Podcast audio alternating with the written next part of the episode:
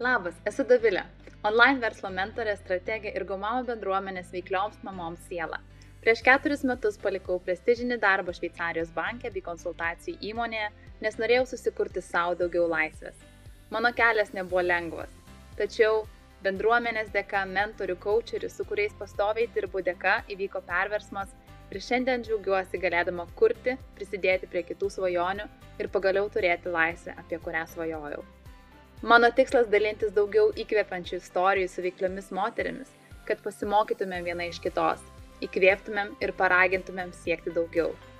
Na, o šiandien kalbinu Agnę Aušrę, gyvenimo kočerę, padedančią žmonėms atrasti prasmingus pokyčius versle bei gyvenime. Gyva Kakavo LT įkūrėja, Gomama lektorė, mama bei mano gera draugė. Šiame podcast'e išgirsi labai šiltą diskusiją tarp manęs ir Agnės, su daug patarimų ir pratimų, kaip atpažinti savo ribojančius įstikinimus, nuo ko pradėti savirealizacijos kelionę, atrasti mylimą veiklą, ką daryti, kai pradedam strikti, nors ir lik žinome, kaip ir kada viską daryti, kaip būti autentišku, gyventi smagesnį gyvenimą, o taip pat apie mano mėgstamiausią pinigų temą bei daug kitokių įdomių perliukų. Labas visoms, šiandien kalbinu Agnę, kuri yra gyvenimo kočerė. Agnė pati prisistatys truputėlį daugiau, man labai labai smagu su tavim šiandien kalbėti, nes e, mes susipažinom per Gaumamą, e, esi Gaumamo lektorė, yra, esi rašysi kursą čia ir paskui pradėjome dirbti atskirai kartu, man tu labai daug padedi. Ir um, kartu esam ir apsikeitę paslaugomis, kažkiek galim sakyti, jeigu tai pavadinus. Tai pažįstam vieną kitą iš darbinės situacijos ir dėl to labai nekantrauju su Gaumamo podcast'o klausytojomis pasidalinti apie verslumą, apie saviraišką, apie manifestaciją, apie visą šitą tobulėjimą ir visas tas temas, kurias mes dažnai mėgstam padiskutuoti kartu ir net prieš pradedant šitą pokalbį jau pradėjom gilintis ir eiti, tai reikėjo sustabdyti ir pasakyti, palaukiam, spaudžiam, uh, įrašom mygtuką ir uh, leiskim klausytams pasiklausyti. Tai Agne, ilga intro, uh, intro, bet prisistatyk pati, kaip tu save apibūdini, kas tu tokia esi. E, labas, Dovilė, labai smagu, kad mane pakvietei. Aš iš tikrųjų turėjau tokią slaptą svajonę, kada nors sudalyvauti šitam podcast'e. Ir iš tikrųjų, kai atsiradai mano gyvenime, aš pastebėjau labai didelį augimą, nes e, tu man parodai tokią struktūrą. Man jos labai trūko vienu metu. Ir tu man parodai, kaip galima sukurti savo kursą, kaip galima susiplanuoti savo darbus, kad jie kažkaip eitų lengviau. Ir aš tada pradėjau, atrodo, dar labiau aukti tai man tavo tas toksai pasirodymas mano tam šiaip pasaulyje labai daug ką sudėliojo. Ir netgi tas tavo mokėjimas um, viską matyti kitaip, aš tarsi kartais perimu tą tavo matymą ir savo pritaikau, netgi kartais nereikia tau kažko man sakyti, bet aš jau, a, žinau, kaip čia viskas turėtų atrodyti. Tai taip atrodo, net kartais bendraujam tam ir nematomam kažkokiam lygmenį. O o aš save kaip pristatau tai esu gyvenimo kaučerė dirbu daugiausia su veikliais žmonėmis su žmonėmis kuriais kurie siekia daugiau kurie siekia kažkokių didesnių įkvepiančių tikslų ir aš padedu jiems sudėlioti, kad jie neįkvotų per daug savęs ir tai pasiektų savo tokiu ekologišku būdu, e, suderinant ir darbą, ir gyvenimą, ir šeimą, ir išgirstant iš tikrųjų save, išgirstant savo tikruosius poreikius, o ne einant būtent pagal planą, pagal tikslą ir užkariaujant dar vieną kažkokią sritį, bet kad tai vyktų labai nuosekliai ir taip tausojant save. Taip pat turiu ir šeimos verslą, esu gyva kakava bendra įkūrėja. Tai pati perėjau tą visą etapą, kada labai daug atiduodavau savęs darbams ir ir šitam darbui, ir verslui savo, ir prieš tai buvusiam sritim.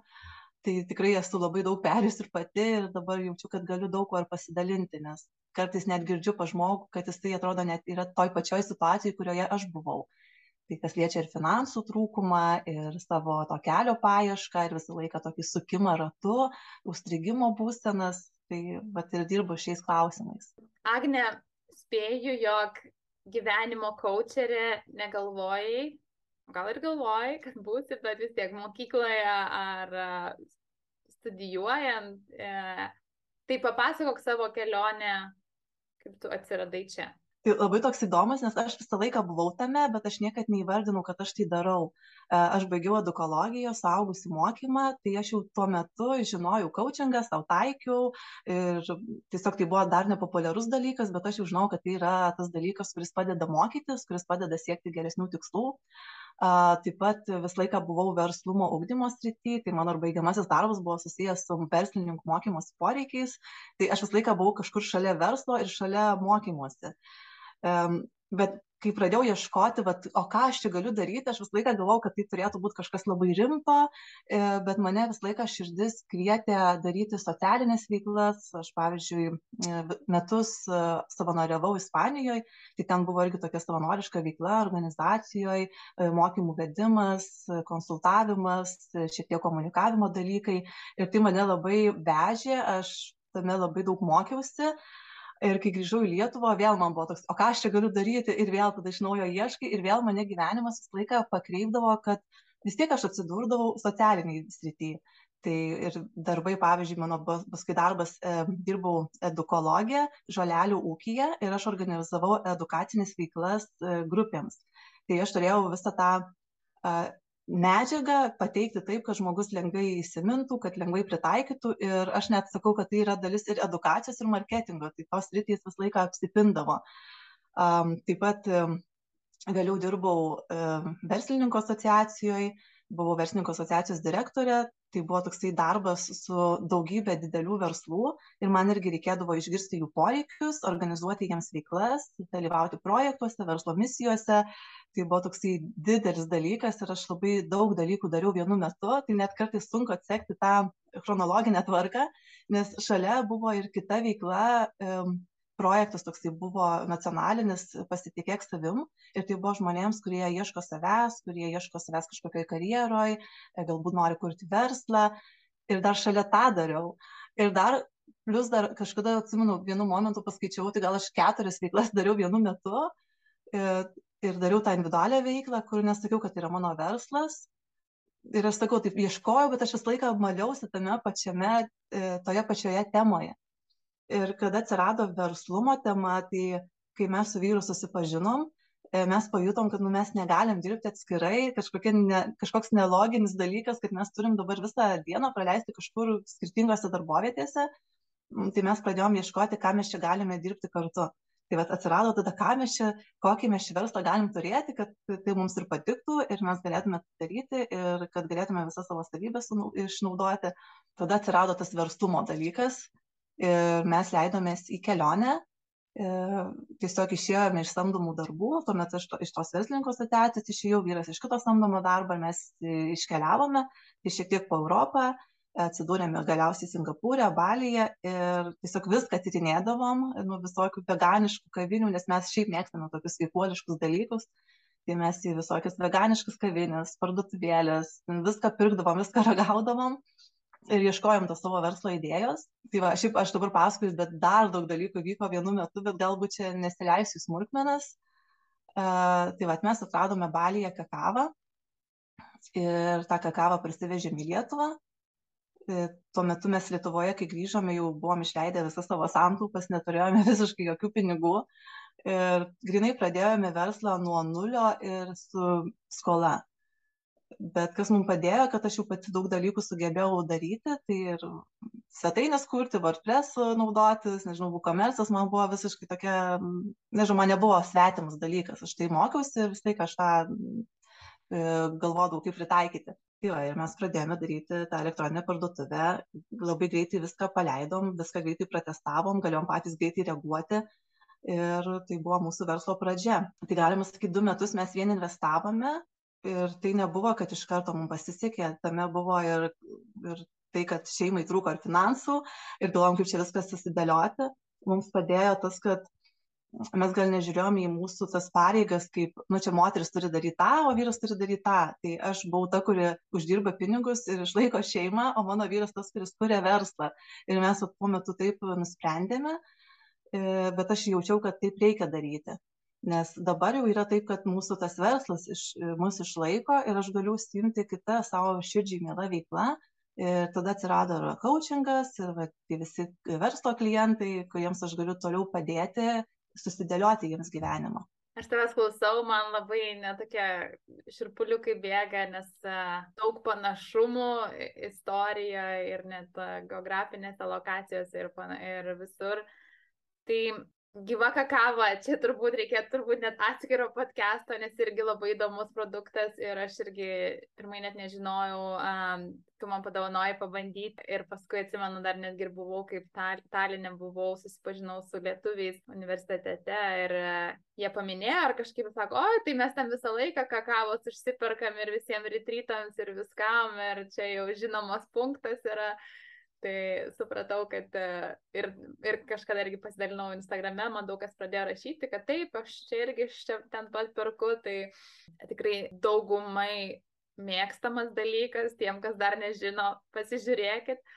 O Agne, tai prieš kiek metų, nes kaip ir sakai, visą laiką tas verslumas buvo, tai prieš kiek metų, jeigu čia taip supratai, jog gal kakavos tau neužtenka ir kodėl? Tai aš visą laiką jaučiau kad tai nėra mano toks pagrindinis dalykas nes mano vyras yra tas kuris turi tą verslumą riziką jisai sugeba valdyti tuos finansų srautus arba administruoti tą visą veiklą nes toj veikloj yra visokie ten e, žaliavų gavimo žurnalas visokie ten maistu susiję dalykai higiena. Aš supratau kad aš galiu tą daryt bet mane tai labai sekina ir aš tada pradėjau tiesiog natūraliai atsitraukti ir auginti savo veiklą. Aišku šalia yra vaikai tai dabar aš esu tose motinystės atostogose tai leidau sau tiesiog savęs nespausti ir labai iš lėto viską daryti. Ir tada atsirado vat būtent konkrečiai jau sau pasakiau kad aš jau esu gyvenimo kaučerė aišku prasibaigiau sertifikatus kurie man galbūt taip susistemino tas žinias kurias aš jau seniai žinojau bet man tai padėjo labai sistemingai tai daryti ir tada labai man viskas natūraliai gavosi, nes tai yra mano tokia, aš, aš visą laiką jaučiu, kad tai yra mano ta širdies veikla ir žmonės jaučia, kad aš tai darau iš, iš noro dalintis, ne, ne iš to, kad aš noriu dabar uždirbti ir savo čia susikurti kažkokį gerbuvį, bet aš noriu dalintis, duoti viską, ką galiu ir atsiranda klientai ir jie rekomenduoja kitiems. Ir visą laiką aš turiu su kuo dirbti, aš net kartais pati stabdau save, nes tiesiog kartais tam laiko negaliu skirti. Ir kai aš pradėjau tą daryti kai gavau tą atgalinį ryšį kad tai yra reikalinga kad tai padeda man tai padėjo dar labiau tame tobulėti augti. Nes buvo toks laikas kada aš atrodė kad viską galiu daryti ir čia marketingą kakavoj ir čia sau daryti ir dar čia dar buvo vienas toks samdomas darbas. Bet aš supratau kad man reikia koncentruotis kad aš negaliu taip taškytis. Ir kartais padeda netgi buvimas mama nes kai tu būni mama tu turi atsisakyti daug ko nes tiesiog tu nespėji. Ir tada tu žiūri kad tu koncentruojiesi tik į tai ką tu gal gali geriausia padaryti. Ir tame ką tu gali geriausia padaryti tu gali augti. Ir tada tos veiklos jos natūraliai atkrenta. Tai aš taip dažnai sakau mamoms kurios ten dar skundžiasi kad va čia kažko nori bet laiko. Galvoju tai ir gerai nes tu gali daug dalykų atsifiltruoti ir koncentruotis į tą esmę ką tu gali geriausia daryti kas tavo yra pašaukimas galbūt. Ir tas va buvimas mama labai padeda tai išgirsti. Agne, žinau, kad pas tave ateina daug skirtingų klientų, žmonių ir dabar kažkaip tiesiog galvoju mintise, nuo ko pradėti, bet um, pradžioje gal pakabinkim tuos žmonės, turbūt, kurie ateina, dar dirba, nes kaip ir kalbėjom, nemažai turi kažkokį turimą darbą, ar tai būtų ofisinis, o gal net ir savo veiklą turi, jau vykdo kažkokią, bet jaučiasi, kad čia gal ne mano, ne man, reikėtų kažkokio pokyčio. Tai kaip tu padedi, yra, gal yra, aišku, čia yra visiškai, na, ilga tema, bet kažkokį gal gali bent jau vieną, du patarimus pasidalinti. Tai kaip mums, kaip atrasti tą saviraišką, kaip atrodo, oi, norėčiau daryti kažką, kas mane vežtų. Ir tada, o kas tas kažkas? Tai pirmiausia, kai žmogus turi kažkokią problemą, tai jisai tik tai galvoja, kad tai yra problema. Bet kai ateina, pavyzdžiui, pas mane arba pas kažkokį kitą coacherį arba konsultantą, tai pirmiausia, e, su kuo aš rekomenduoju dirbti, tai įsigryninti, ar tai yra tikrai ta problema, su kuria reikia dirbti. Nes žmonės dauguma jau mes turime informacijos, žinių, mes viską žinome, bet kažkodėl netaikome todėl vat didžiausia galbūt va tas klausimas o kodėl nepavyksta to pritaikyti ir tada jau dirbame su tais vidiniais įsitikinimais su blokais su sugebėjimu išsikelti sau tikslus ir eiti link jų. Tai atrodo tokie labai paprasti dalykai bet dar yra kitas toksai lygmuo kai atrodo jau tu viską išsisprendi bet vis tiek kažkas stringa vis tiek kažkoks pasipriešinimas. Tai aš tokį taikau dalyką kaip yra vakaruose vat nežinau mūsų kultūroj yra įprasta kad tu pradžioj protu supranti o paskui jau tu e, vykdai veikloj tai aš dar taikau tokį metodą kad mes pirma darome nu aš pavyzdžiui duodu kažkokią praktiką vat visą savaitę daryk tam tikrą praktiką ir paskui mes analizuojam kas iškilo kokie dalykai.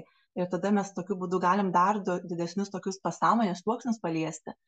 Tai nu pavyzdžiui nežinau galiu pasidalinti tokiu kur aš ir pati ilgai taikiau ir man toks labai buvo atveriantis dalykas.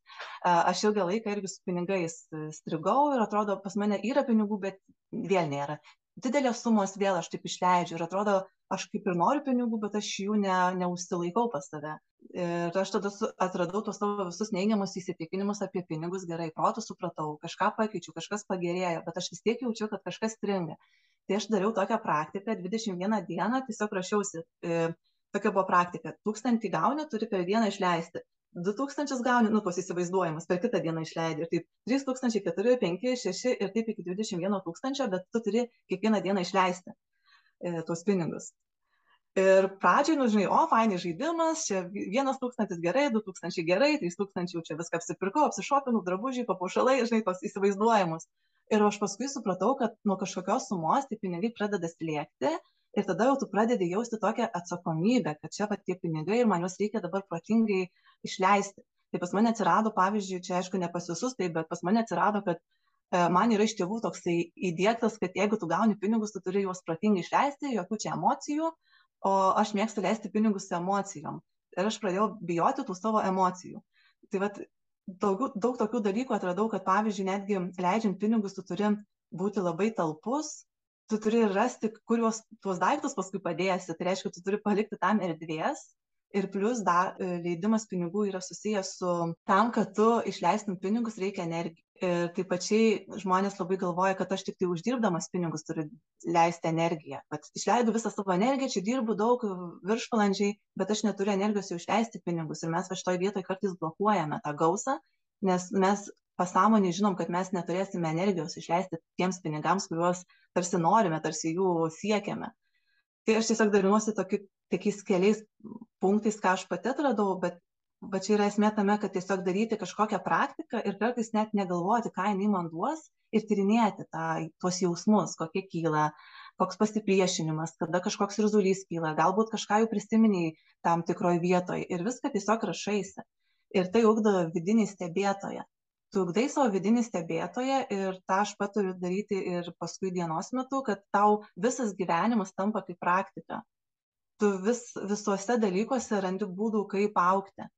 Pavyzdžiui vat kažkokį tikslą išsikėlei ir tu stebi save kaip tu jį reaguoji. Tai čia tokie jau tokie gal tai next level dalykai kur atrodo lengva išsikėlei tikslą strategiją žingsnį tu darai bet va kai pradedi strigti kaip ugdyti savo tą vidinį stebėtoją kaip stebėti savo laiką kaip stebėti kokių tu dalykų atsisakai kaip tu jautiesi kai tu jų atsisakai. Ir čia jau prasideda tas toksai augimas vat kaip aš ir padedu savo klientams.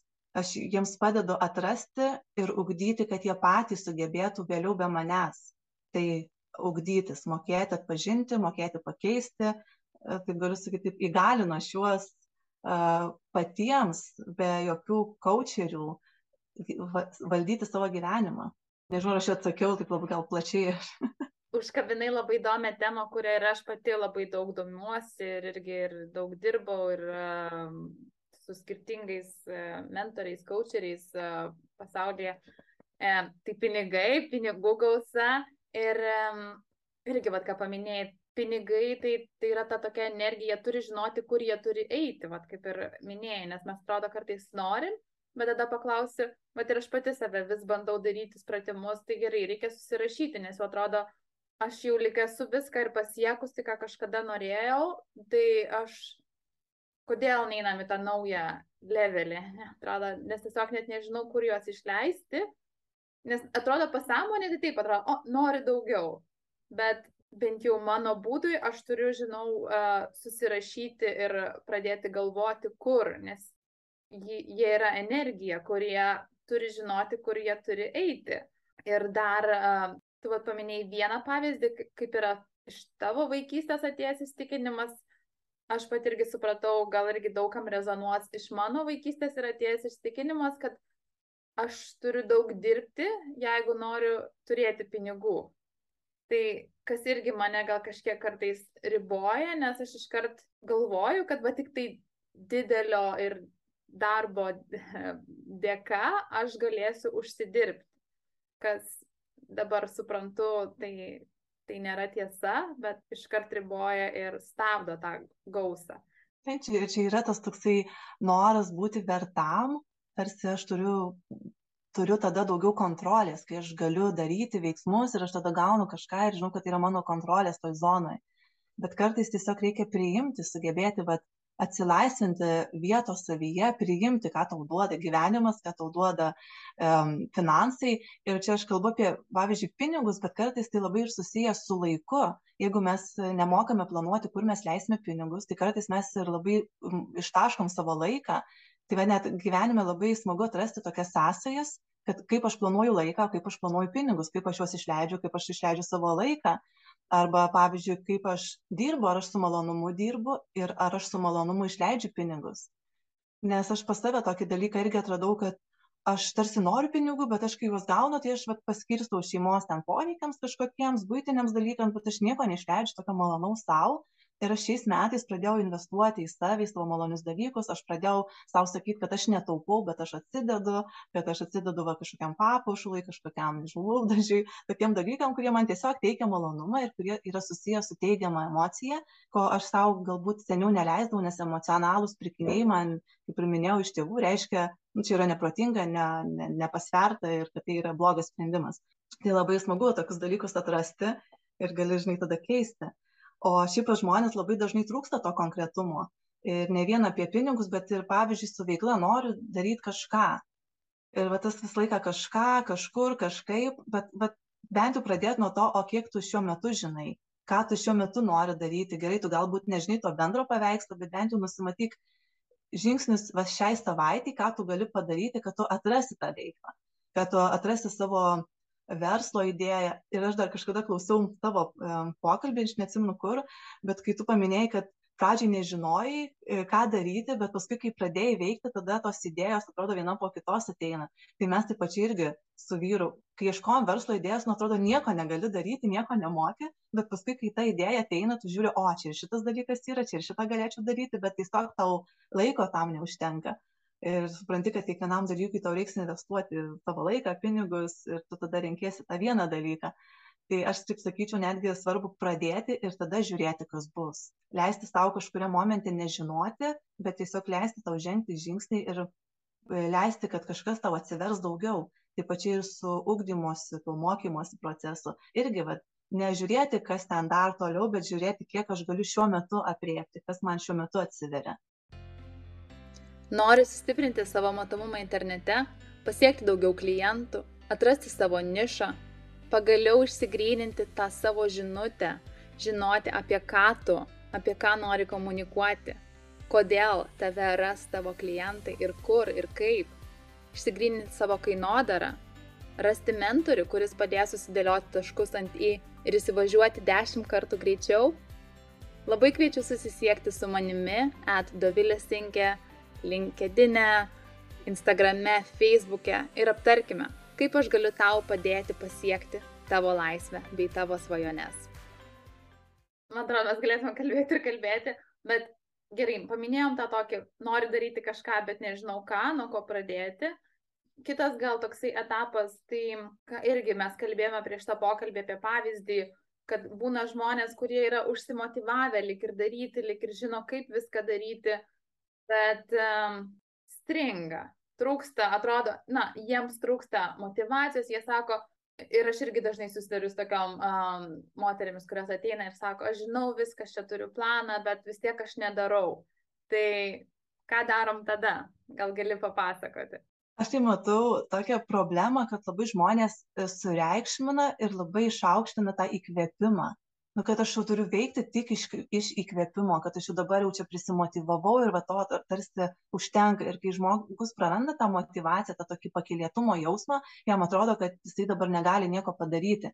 Bet ir iš edukacinės pusės vat iš mano studijų aš atsimenu kai mums sakydavo kad nei per daug aukštos emocijos nei per daug žemos emocijos jos nėra efektyvios. Žmogus turi būti neutralioj būsenoj kad jisai pasiektų e, tikslus kad jisai galėtų darbingai nuveikti tai ką jisai užsibrėžė.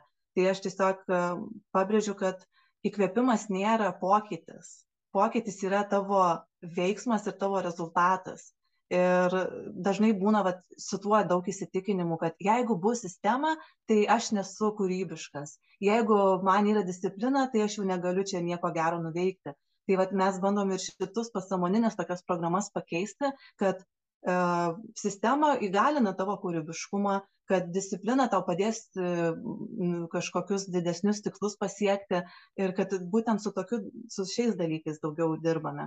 Jo tiesiog kad veiksmas veiksmas darbas klaidos dar baimė suklysti mes gyvename toj perfekcionistų visuomenėj kur tu turi daryti gerai kur tu tau visą laiką kažko trūksta kur visą laiką turi lūkesčių kažkur į ateitį ir vat visą laiką tas perfekcionizmas mus ragina siekti kažkokio gero rezultato bet vat buvimas čia ir dabar, kad vat ir procesas yra įdomus, kad ir procese aš galiu daug dalykų išmokti ir kad aš procese galiu siekti tos savo geriausios versijos, bet galbūt aš jos nepasieksiu, bet galbūt kelyje aš atrasiu dar geresnę savo tą versiją, kuri ir yra tikroji aš. Tai bet aš visą laiką raginu sugrįžti į tą dabartį, į procesą, į tai, ką aš dabar galiu daryti, nesivaikyti to įkvėpimo, bet veikti iš tos darbingos būsenos ir leisti sau judėti link tikslo. Bet vis tiek, tarkim, jeigu, na, atidėlioju, atrodo, kažkokius darbus ir, kaip čia yra,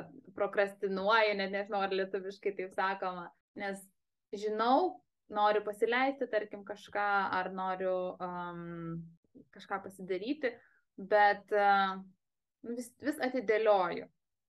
Ar dar kažkiek prieš šitą pokalbį kalbėjome, jo gal kartais reikia tiesiog pasiklausti ir savo širdies, ar tikrai tai yra, ko norim ir kodėl.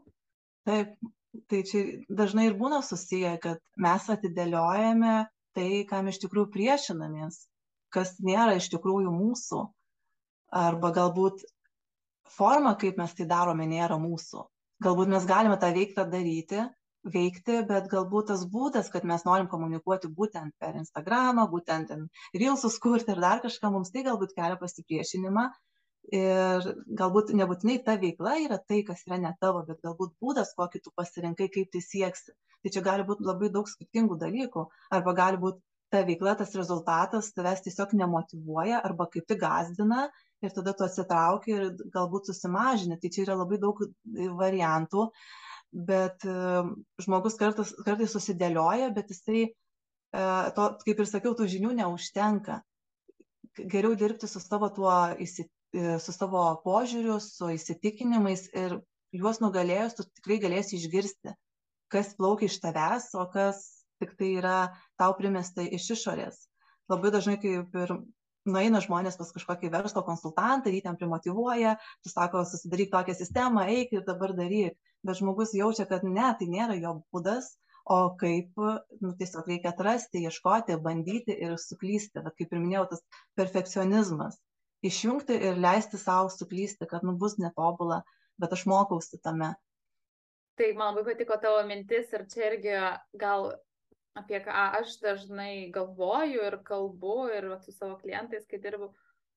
Tai apie tai, va tas, kad tai net nebūtinai reiškia, kad tai ne tavo veikla, ar kad tu, na, tarkim, nenori paleisti šito pasiūlymo, ar nenori komunikuoti, bet būdas netoks, nes mes vėl tam grįžtam prie to, kad mes esam, matom labai daug aplinkui ir žinom visokių taisyklių, va čia reikėtų, na, kad ir Instagrame ten kelti tokius reelsus, kelti tokius postus, taip dažnai tada ir bet gal dėl tam tikrų priežasčių, tasne, tai, tai gali būti ir tas, ne, kad mes norim čia perfect, kur atrodo, oi, bet mes nesam čia, o kitas tai, kad um, tai nėra unikalu mums, tai, tai ne mes esam. Ir tada mes turime eiti per save, kad taip daryti. Kas nėra niekam gerai, nes vis pirma mes patys savo meluojam, atidėliojam tada, nes kažkodėl tai mum nelimpa ir aišku, kodėl tai mum nelimpa, nes tai yra ne mūsų būdas. O kita tai viskas jaučiasi, tai jeigu mes esam ne, ne unikalūs, jeigu mes nesam apie save, jeigu mes nesam savo teisingi, tai, kaip sakoma, ir žmonės, tie tavo busimi klientai, jie ir netras tos tavo tos energijos, netras tavęs, nes tu paklysi kažkur kaip vienas iš tų ir tu nepasirodysi, kas tu esi. Ir dažnai, bet, dažnai aš užduodu tokį klausimą, o ką tu nori pasiekti ir kokia yra tavo ta pagrindinė misija, nes kartais mes ją pamirštame. Mes kartais daugiau galvojame, kaip aš tai darysiu, o ne ką aš iš tikrųjų galiu duoti žmonėms, kokią aš noriu vertę jiems sukurti kaip ir mes su vyru mūsų versle kakavos, nu, mes jau seniai esam savo pasakę, kad tai nėra viena apie pinigus, e, mes norim iš tikrųjų tą kokybišką produktą žmogui duoti, nes mums buvo daugybė galimybių, kaip atsivežti daug pigesnę kakavą, užsidėti didelį ankainį ir tiesiog būti kažkokia eilinė priekybinė įmonė, bet mes esam savo pasakę, kad mums svarbios yra vertybės tai aš dažnai klientams sakau grįžkite prie savo vertybių kas yra jūsų centras kuo jūs tikite ir į tai orientuokitės. O tos visos priemonės jos lipdysis aplinkui. Ir nebūtina eiti kažkur į nežinau tinklapį kurtis. Galbūt tu gali per savo pažįstamų kontaktus atrasti būdą kaip patarnauti žmonėms. Tai aš visą laiką vat tą pabrėžiu patarnauti. Bet pirma patarnauti atrasti kaip tu iš tikrųjų jiems padedi ir tik tada jau lipdosi aplinkui tas toksai ratas. Tai čia tam keliui reikia daugiau atsakomybės, daugiau rizikos, nes va tas žinomas kelias, kad tu susikurk Instagramą, padaryk penkis vilsus, padaryk laivą, dar kažką, ar ne, tai yra toks jau irgi geras būdas, bet tame jau nėra vidinės tos atsakomybės žmogaus, jis ją tarsi nusimeta ir tu man pasakyk atsakymą. Ir kai jam nepavyksta, nu tai ne jisai kaltas, o tas, kuris jam davė patarimą. Ir, ir vis tiek, nes jeigu tai nebuvo na čia gal kažkiek jau žiūrime į energijas, į manifestacijas, bet tai tu neįėjai to savo keliu ir tai ir tau tų rezultatų dažniausiai, na, neduoda. Arba tai buvo, nu, neunikalu, ką aš irgi matau, nes jeigu pasižiūriu aplinkui, tai um, daug dirbu su tokiais coacheriais, ne, tai tie, kurie tikrai, va, jeigu čia tarptautiniu mastu pasižiūrint, kurie pasiekia, na, milijoninius brandus, apyvartas, čia netgi pavadinus. Tai tiesiog, na, jie yra savimi, kitokie, kiekvienas, žiūrėk, išsiskiria kažkuo, bet tikrai jų nesu, nepasakysi, kad nesulyginsi su kažkuo kitu. Nes kaip kartais kažkoks produktas ar, ar kiti būna žmonės ar paslaugos, tai atrodo, tai koks skirtumas, ar čia birutė ar onutė padarys, nes, nu, realiai tas pats bet tų žmonių, na, yra taip, jie išsiskiria ir yra tokie unikalūs. Tiesiog žmonės ateina dirbti su jais. Net ne dėl to, ką jie pasakys, bet tiesiog, kad būti toj energijoje, žinai. Ir čia va taip dažnai irgi būna tam coachingo pasaulyje. Um, na, čia aš gal šneku iš savo tos labiau apie verslo coachingą, bet aš nebejoju, kad panašiai turbūt ir vat gyvenimo coaching, kad kartais mes pradedam tos rezultatus matyti dar tik tai, kai mes susimokam iš tikrųjų, dar net pa žmogų nenuėję konsultacijos ar net nepradėję dirbti, bet žiūrėk, jau kažkas įvyksta perversmas.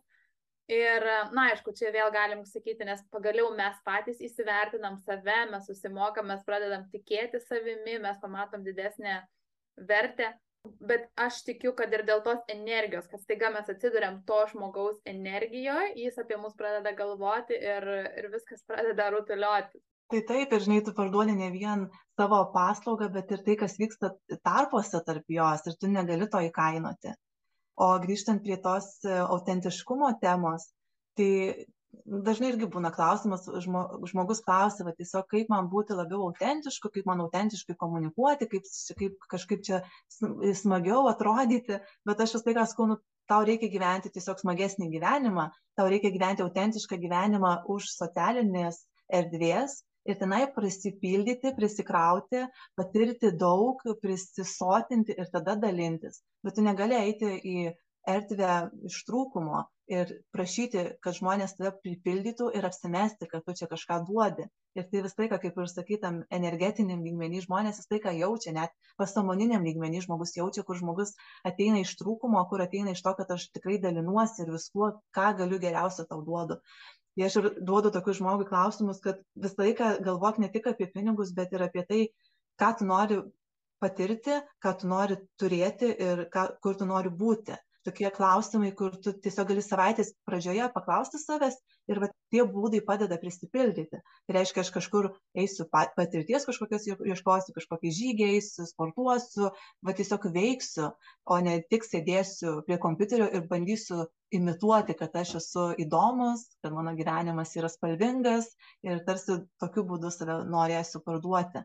O kaip mums gyventi tą autentišką gyvenimą, kad, kad Karmi, kaip atrasti gausą gyvenime, tai iš, aš einu iš šitos pusės, kad kaip mums atrasti tas veiklas, nes aš, su, aš pati kartais su tuo susiduriu ir, tu žinai, ir um, daug girdžiu moterų, va ir gaumama, mes esame nekartą kalbėję, sakė, tai gerai, nes mes dabar, ypač gal dabar, ypač gal dar net kai esame mamos, mes susifokusuojam ties verslu, mamystė, čia, nežinau, šeima, ir atrodo savo net, net neleidžiam tiesiog turbūt ieškoti ar būti, o tada staiga ateina gerai, tai reikėtų, o dabar tu irgi sakai, reikėtų būti, reikėtų atrasti tą gausą, tai nuo ko pradėti?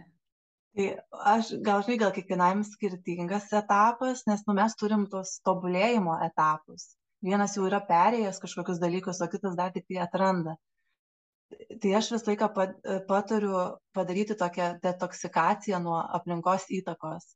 Tiesiog pabandyti apsi, atsiriboti kažkuriam laikui, bent savaitį ir pabandyti iš tikrųjų išgirsti save, o kas, kas aš esu be tų visų įtakų, be tų visų socialinių tinklų, ar kur aš kažką mačiau, arba kad aš kažkur norėčiau būti kaip tas žmogus, bet tiesiog kas, kas aš esu viduj, kas man visą laiką patiko daryti, nes mes visą laiką turim tą intuityvę intuityvų pojūtį, kas mus iš tikrųjų traukia. Ir kai mes tai atrandame, mes tada va, tą jaučiam įkvėpimą, kurio visą laiką ieškome. Iš to va, įkvėpimo mes galime toliau kabintis ir ieškoti, o kada aš patyriau sėkmę, kada aš patyriau tą, tą jausmą, kurio aš siekiu, nes mes kartais siekiam kažko, bet mes nesam savo įvardinę, ko mes konkrečiai ieškom. Mes, pavyzdžiui, ieškom kažkokio pojūčio su pašaukimu ar ne, bet mes nesam arba esam kažkada ragavę to, bet esam pamiršę, todėl mes turim savo priminti, kada aš esu bent mažiausių lygių tą skanavęs ir tada aš jau galiu to ieškoti. Mes negalime ieškoti, ko mes net nesam bandę. Tai va, aš sakyčiau, eiti per pojūčius, per prisiminimus ir bandyti atrasti, kas man patiko. Ir tada kitas dalykas - nespausti savęs ir kartais mums reikia išlaukti ir atrasti tą tinkamą laiką aš labai ilgai irgi jaučiau viduj, kad aš tarsi noriu daryti, bet manyje viduj dar yra tas, dar nelaikas, dar reikia kažkokias patirtis gauti, dar reikia labiau subręsti, aš dar negaliu kažko mokinti, kitiems sakyti, kol, kol aš dar pati neperėjau. Ir kiekvienam tas intuityvus dalykas yra skirtingas. Ar tai yra tavo laikas, ar tai yra tavo dabar etapas. Pavyzdžiui, man dabar irgi kartais būna noras greičiau daryti kažką aktyviau, bet aš suprantu, kad dar mano vaikas yra dešimties mėnesių ir aš dar spėsiu atsidirbti. Aš spėsiu susikurti savo ir karjerą didesnę ir galbūt didesnius finansus. Tam ateis laikas ir aš tuo tikiu.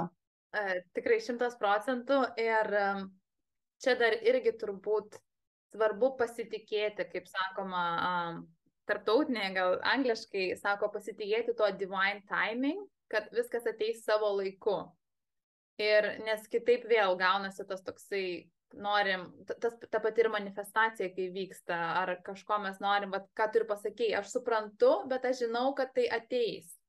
Čia irgi toksai, bent jau už savo patirties aš galiu pasakyti, kad tas pasitikėjimas pas mane atėjo ne taip ir senai, tai galbūt tik prieš kokius, prieš gerą pusmetį, kai aš supratau, kad, žinai ką, Davilė, aš gal dabar yra lėčiau, bet taip gal ir turi būti, nes aš žinau, kad aš žinau, kad bus viskas gerai, kad ir aš uždirbsiu, ką aš norėsiu ir, ir mano gyvenime bus viskas gerai, nors kartais atrodo labai sunku, ar net nematai gal rezultatų, na tarkim, klientai neteina, ar viskas griūna, bet kažkoks yra tas pasitikėjimas, kad bus viskas gerai, kaip ir sakau, bet ir nesu pririšta prie kažkokio laiko.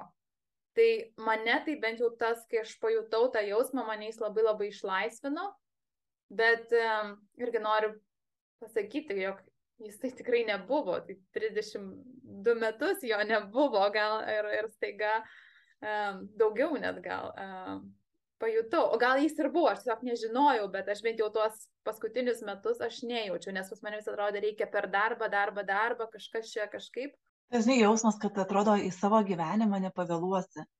Viskas yra tarsi jau sudėliota, aišku, čia gal tas fatalizmas, čia gal irgi toks, daug kas sako, čia gal atsakomybę nusimeti, bet yra dalykai, kuriuos tu tikrai patirsi ir jie ateis.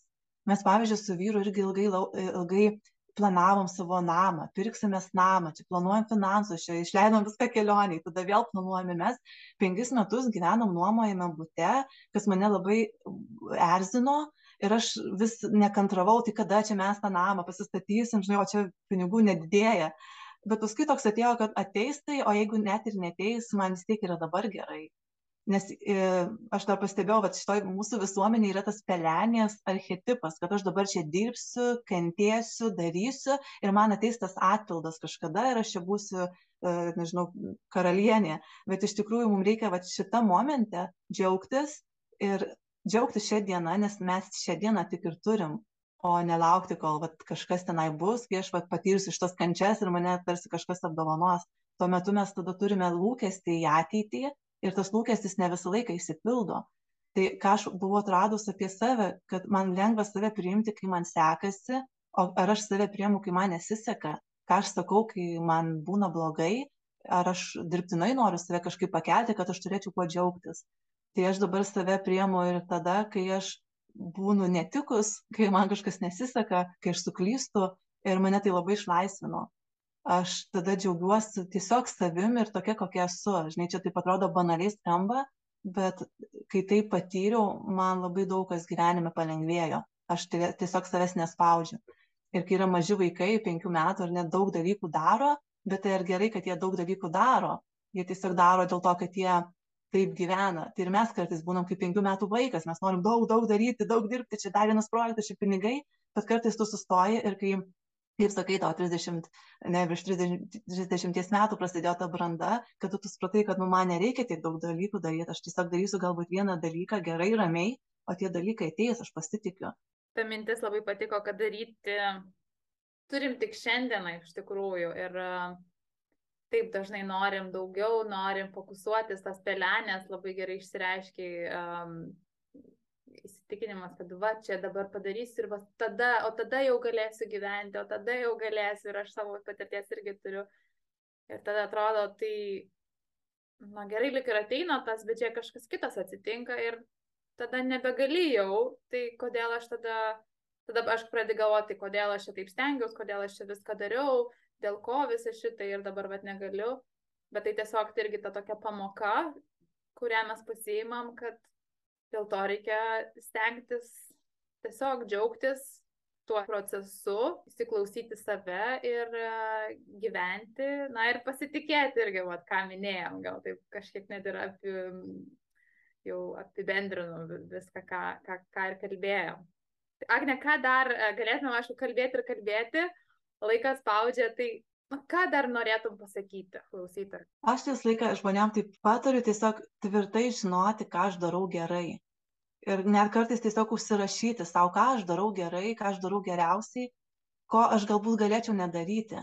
Nes kartais mes darom dalykus, kurių mums nereiktų daryti, kuriuos galėtų padaryti kažkas kitas, kas kitas gali daryti geriausiai.